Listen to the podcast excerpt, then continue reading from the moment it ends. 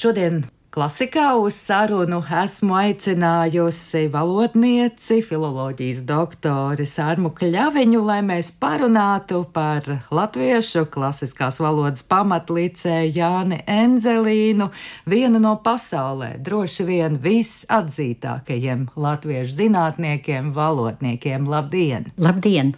Nu, man jāsaka tā, ka Jāņa Enzelīna 150 gadu jubileja laikam ir kļuvusi par svētkiem visai valodnieku saimei kuru darbs tiek aktualizēts, un arī šī brīža droši vien kontekstā, kad latviešu valodas jautājums atkal un atkal ir uzmanības centrā. Vai var tā teikt, ka svētki tiešām ir visiem jums, kas kopj un rūpējas par latviešu valodu? Jā, tas ir ne tikai latviešu valodniekiem svētki, bet tas ir baltistiem un indoeiropeistiem svētki, jo Enzelīns strādāja pasaules zinātnē un bija zinātnieks un arī strādāja savai tautai un valstī un bija valodas kultūras kopējs. Un tāpēc es gan domāju, ka gods būt ierakstītam UNESCO svinamo dienu kalendārā ir pateicoties viņa starptautiskajai nozīmībai pasaules valodniecībā. Jā, šis februāris jau jums ir eh, sācies tādā Henzelīna zīmē, jo 6. februārī jūs arī piedalījāties Rīgas Latviešu biedrības rīkotajā priekšlasījumu seansā. Piektdien, 17. februārī, jūs būsiet klāt arī akadēmiskajā bibliotēkā iecerētās izstādes atklāšanā, bet 22. datumā jūs varēs sastapt arī Jāņa Akurātera muzejā, kur arī par viņu tiks runāts. Būs arī dzēja, būs varbūt arī kāds muzikāls priekšnesums. Vai starp akurāteru Jāni un starp Enzelīnu Jāni bija laba saskaņa? Es varbūt atturēšos runāt tieši par saskaņu, jo tad jālasa atmiņas. Bet es gribu teikt šo arī saiti. Kāpēc tieši Enzelīna dzimšanas dienas vakarā akurātera muzeja saime svin šo dzimšanas dienu? Jo kad Enzelīnam Vācijas izdevēji pasūtīja latviešu lasām grāmatu Letišas Leidzebūhu 1911. gadā, tad Enzelīns starp latviešu literatūras pērlēm iekļāva arī Jāņa akuratera kalpa zēna vasaras fragmentu. Tur vēl tā tad bija, protams, Kārļa skalbes pasaka pelnrušķīte, fragments no apsīšu jēkaba bagātajiem radiem, tautas dziesmas, protams, un lūk, tas liecina, ka Jānis Enzelīns novērtēja Jāņa akuratera latviešu valodas meistarību. Gan jau viņu ceļi ir arī krustojušies laikā, kad arī Jānis Akurāters bija izglītības ministrijā, mākslas departamentu mm. toreiz vadīja. Iespējams, arī šeit radio, jo kādus gadus viņš ir bijis arī radio direktors. Bet nu, es zinu, ka ļoti daudz jūsu darba gadi ir pagājuši pētot tieši Jāņa Enzelīna saistību ar Harkivu. Pirms kara jums izdevās arī pirms vairākiem gadiem nokļūt turp universitātē, jo patiesībā Harkivas universitāte esot bijusi pirmā nopietnā Enzelīna darba vieta, kur viņš ir strādājis par ārštata profesoru, pirms tam bijis arī docents. Sakiet, vai Harkivā, nu tagad jau grūti pateikt, kā tas ir šodien, bet vai toreiz daudz liecību par viņa darbu vēl bija saglabājušās? Es paspēju būt Harkivā 2013. gadā. Tātad gadu pirms eh, tika Donbass okupēts un uh, Luhanskas novads.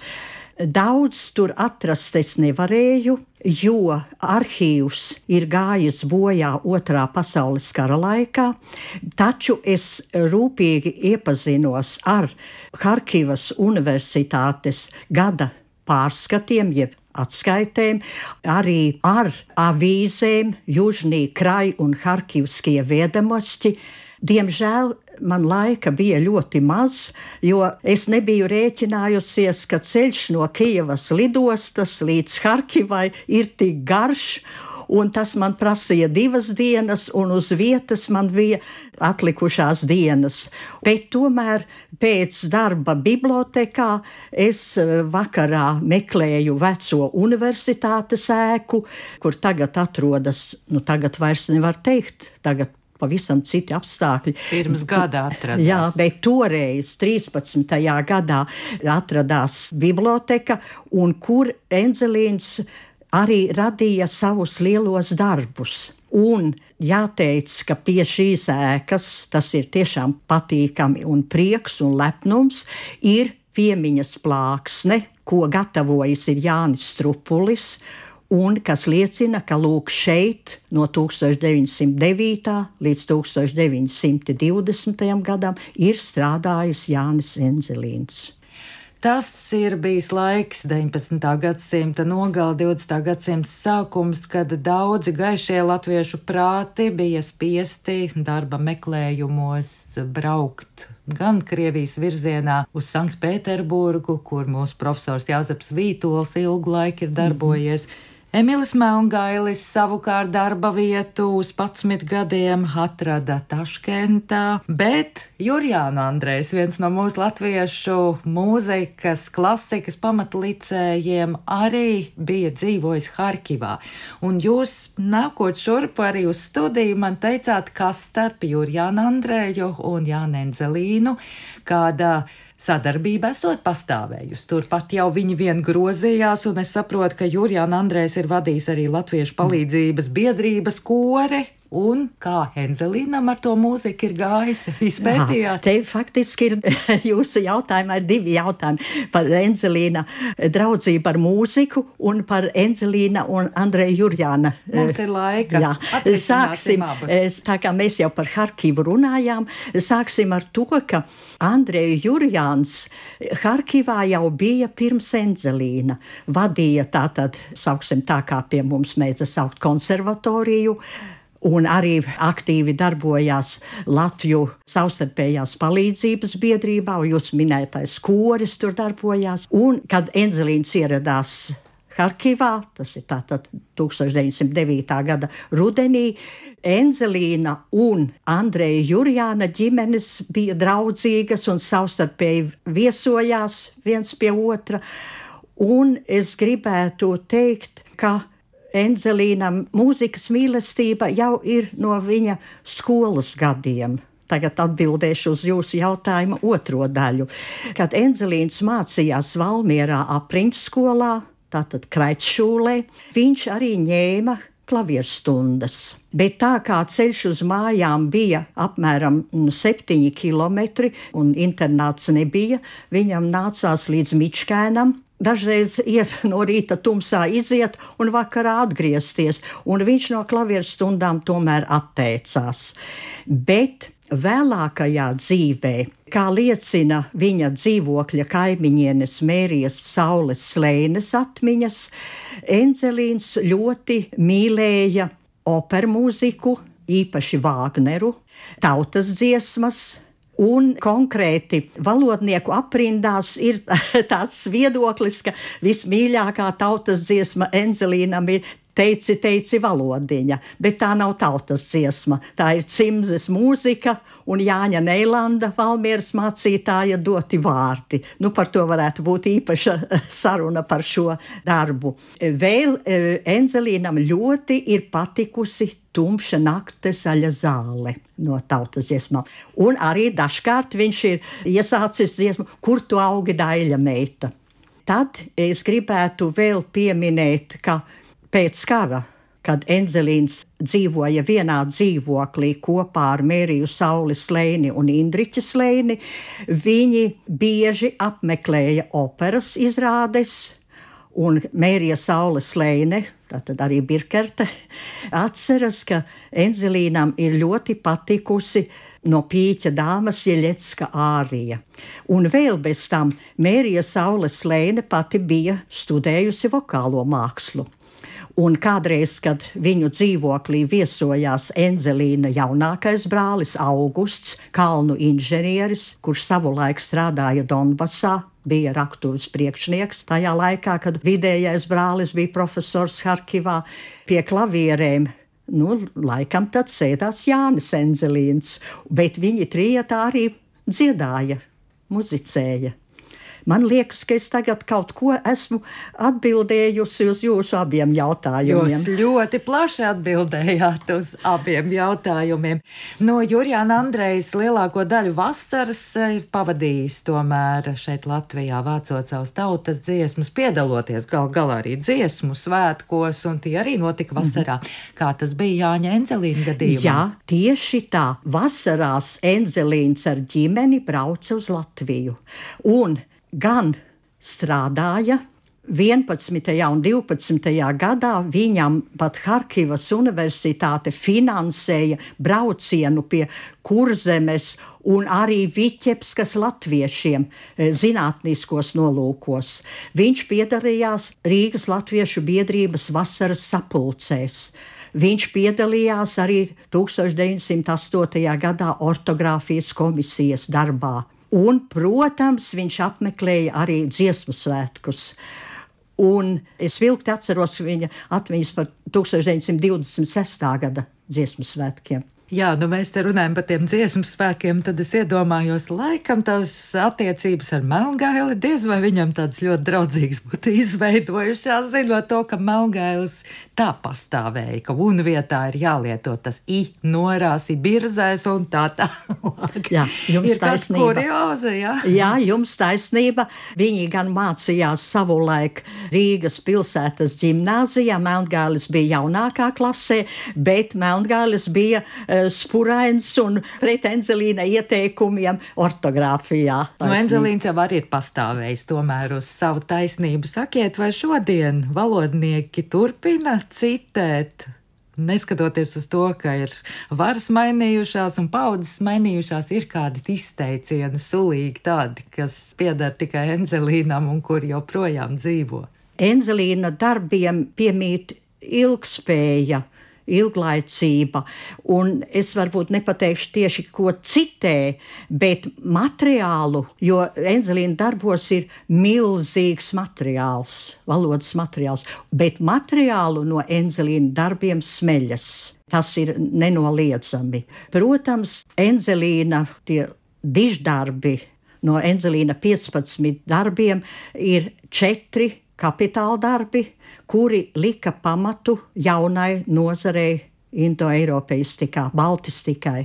Tie ir letiše gramatika, tad arī vārnīca. Mīlenbacha sāktā un kopā Enzelīna ar Hausenbergu pabeigtā, un senprūšu valoda un baltu valodu skaņas un formas. Lūk, šie darbi ir nozares pamatā. Jāteic gan, ka iespējams varētu teikt, ka 21. E, gadsimtā dominējošā nav salīdzināma vēsturiskā valodniecība, kas prasa lielu zināšanu bagāžu, kas arī prasa lielu pacietību, lielu darbu. Šodienas valodniecībā ir varbūt dominējoši tādi citi virzieni, tipoloģiskā, kas arī gan prasa visu iepriekš nosaukto. Bet Enzelīna laikā dominējošā bija šī salīdzināma vēsturiskā valodniecība.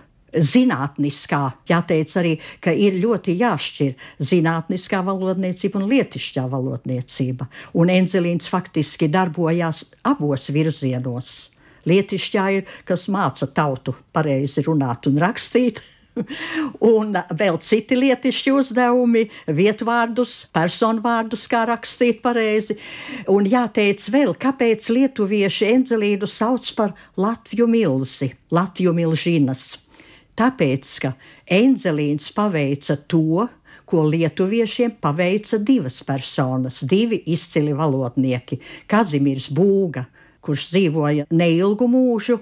Viņš strādāja salīdzinām vēsturiskajā, šajā zinātniskajā valodniecībā, bet lietuviešu literārās valodas kopšanu veica Jons Jablonskis. Tātad lietuviešiem to darīja divas personas. Vai tas ir tas pats laika periods apmēram? Jā, jā, jā.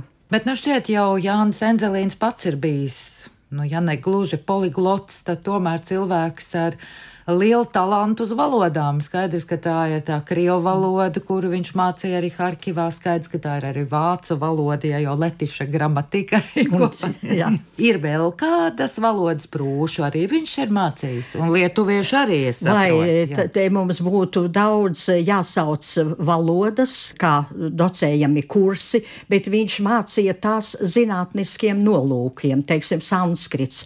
Man jāsaka tā, ka cariskajā Krievijā universitātēs, sākot ar Tērbatas, jeb Jurjevas toreiz universitāti, pēc nolikuma bija salīdzināmās valodniecības un sanskrita katedra. Tātad, un sanskritu mācīja. Bet te ir tā jāšķir tiešām mācīt kā sarunu valodai lietojamu valodu, un otra lieta - mācīt kā zinātnisku vielu. Te es tūdaļ atgriezīšos pie jūsu minētajām vācu un krievu valodas. Enzelīna pagātā izglītība ir iegūta, protams, pagatstskolā mācīja bokstābus, ceļķināšanu, turnēšanu, mācīja latviešu valodā. Bet tālāk, sākot ar apriņķu skolu, vācu valodā, Rīgas pilsētas gimnāzijā, vācu valodā, pēc tam studijas bija tērbatā vācu un krievu un pēc tam darbs Krievu valodā. Un vēl jāpiezīmē arī tas, ka Enzelīna dzīves biedri bija no Vācu-Baltiešiem.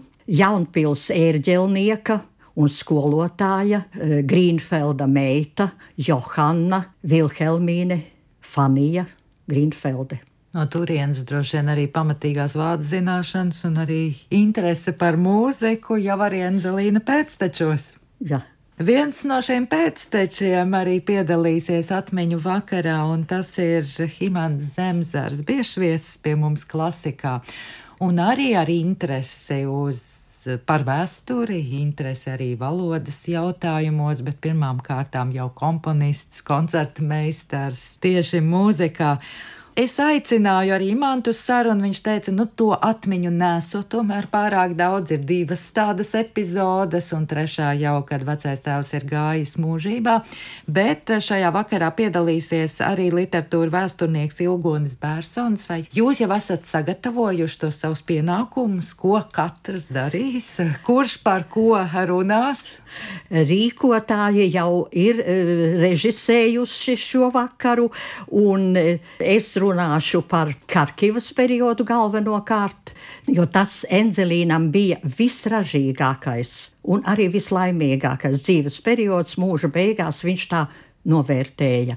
Tālāk komponists un mūzikas pedagogs Imants Zemzaris dalīsies šajās atmiņās par savu vectēvu, un es domāju, arī mūs iepriecinās ar kādu skaņu darbu literatūra vēsturnieks Ilgonis Bērsons stāstīs par savu tikšanos ar Mīlenu Henselīna vārnīcu. Tādā nozīmē gan kā iegādāja un kā pēc tam lietoja šo vārnīcu. Vakarā piedalīsies arī Āgenskalna Vācu ģimnāzijas latviešu valodas skolotāji un skolēni mums būs sava veida koplasīšana, un mēs lūgsim jauno paudzi nolasīt vienu enzelīna rakstu, kas ir publicēts Harkivā, avīzē Atvase kas iznāca no 1918. līdz 19. gadam par latviešu valodas mācību, kā vajadzētu latviešu valodu mācīt tur, Harkivā, un tikpat labi arī tas attiecas uz latviešu valodas mācīšanu šodien un citur. Un vēl es esmu izraudzījusies vienu fragmentu, priekšvārdu. Enzelīnam ir maza grāmatiņa, dažādas valodas kļūdas. Tā iznāca četros izdevumos. Un tajā Enzelīns arī priekšvārdā raksta, tā kā es docēju zinātnisko latviešu valodas gramatiku universitātē, tad es jūtos spiests, cik varēdams un prasdams arī gādāt par labu latviešu valodu. Un lūk, mēs lūgsim tad eh, jaunatni lasīt šos fragmentus. Nu, protams, arī kalpa zēna vasaras fragmentu. Jā, par ko jau runājām arī. Jā. Sakiet, vai jūs sevi arī pieskaitat pie Enzelīna pēctečiem, nu tādā zinātniskā plānā? Varbūt jūs esat mācījusies pie kāda viņas audzēknes vai audzēkņa, vai kā tā līnija ved tālāk? Sāksim ar tiem skolotājiem.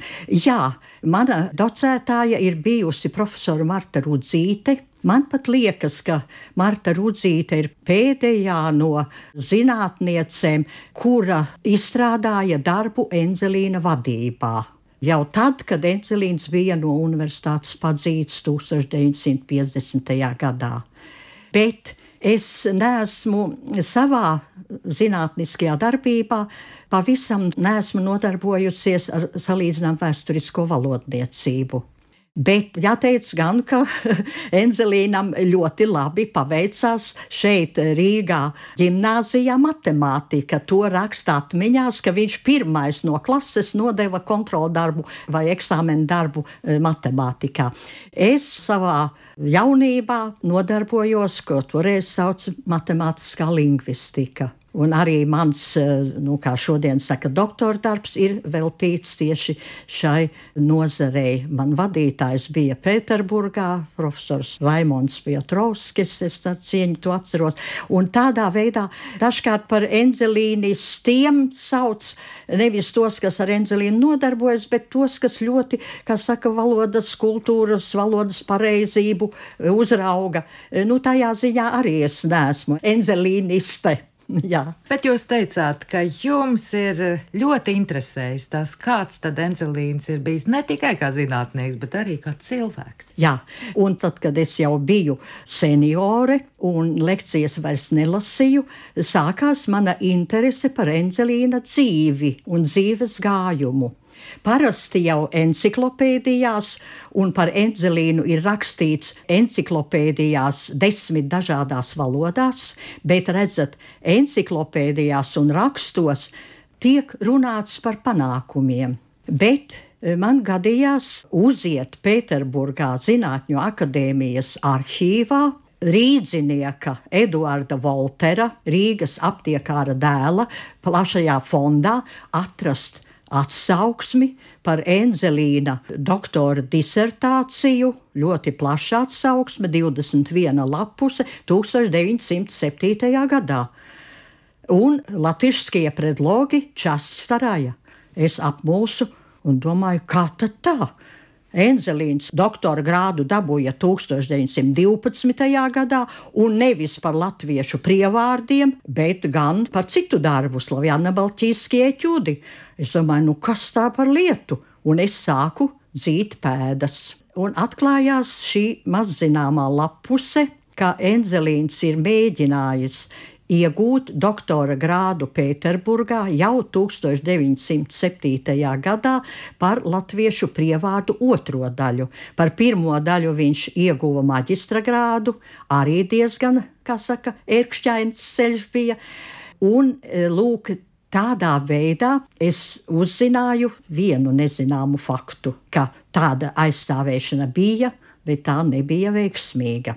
Varbūt arī šīs neveiksmes dēļ Enzelīnam nācās arī doties uz Harkivu. Viņš gan nostrādāja Jurjevā, jeb Tērbatā no 1903. gada līdz 1909. gadam, sešus gadus kā privāts docents, bet docēja klasiskās valodas un slāvu filoloģiju.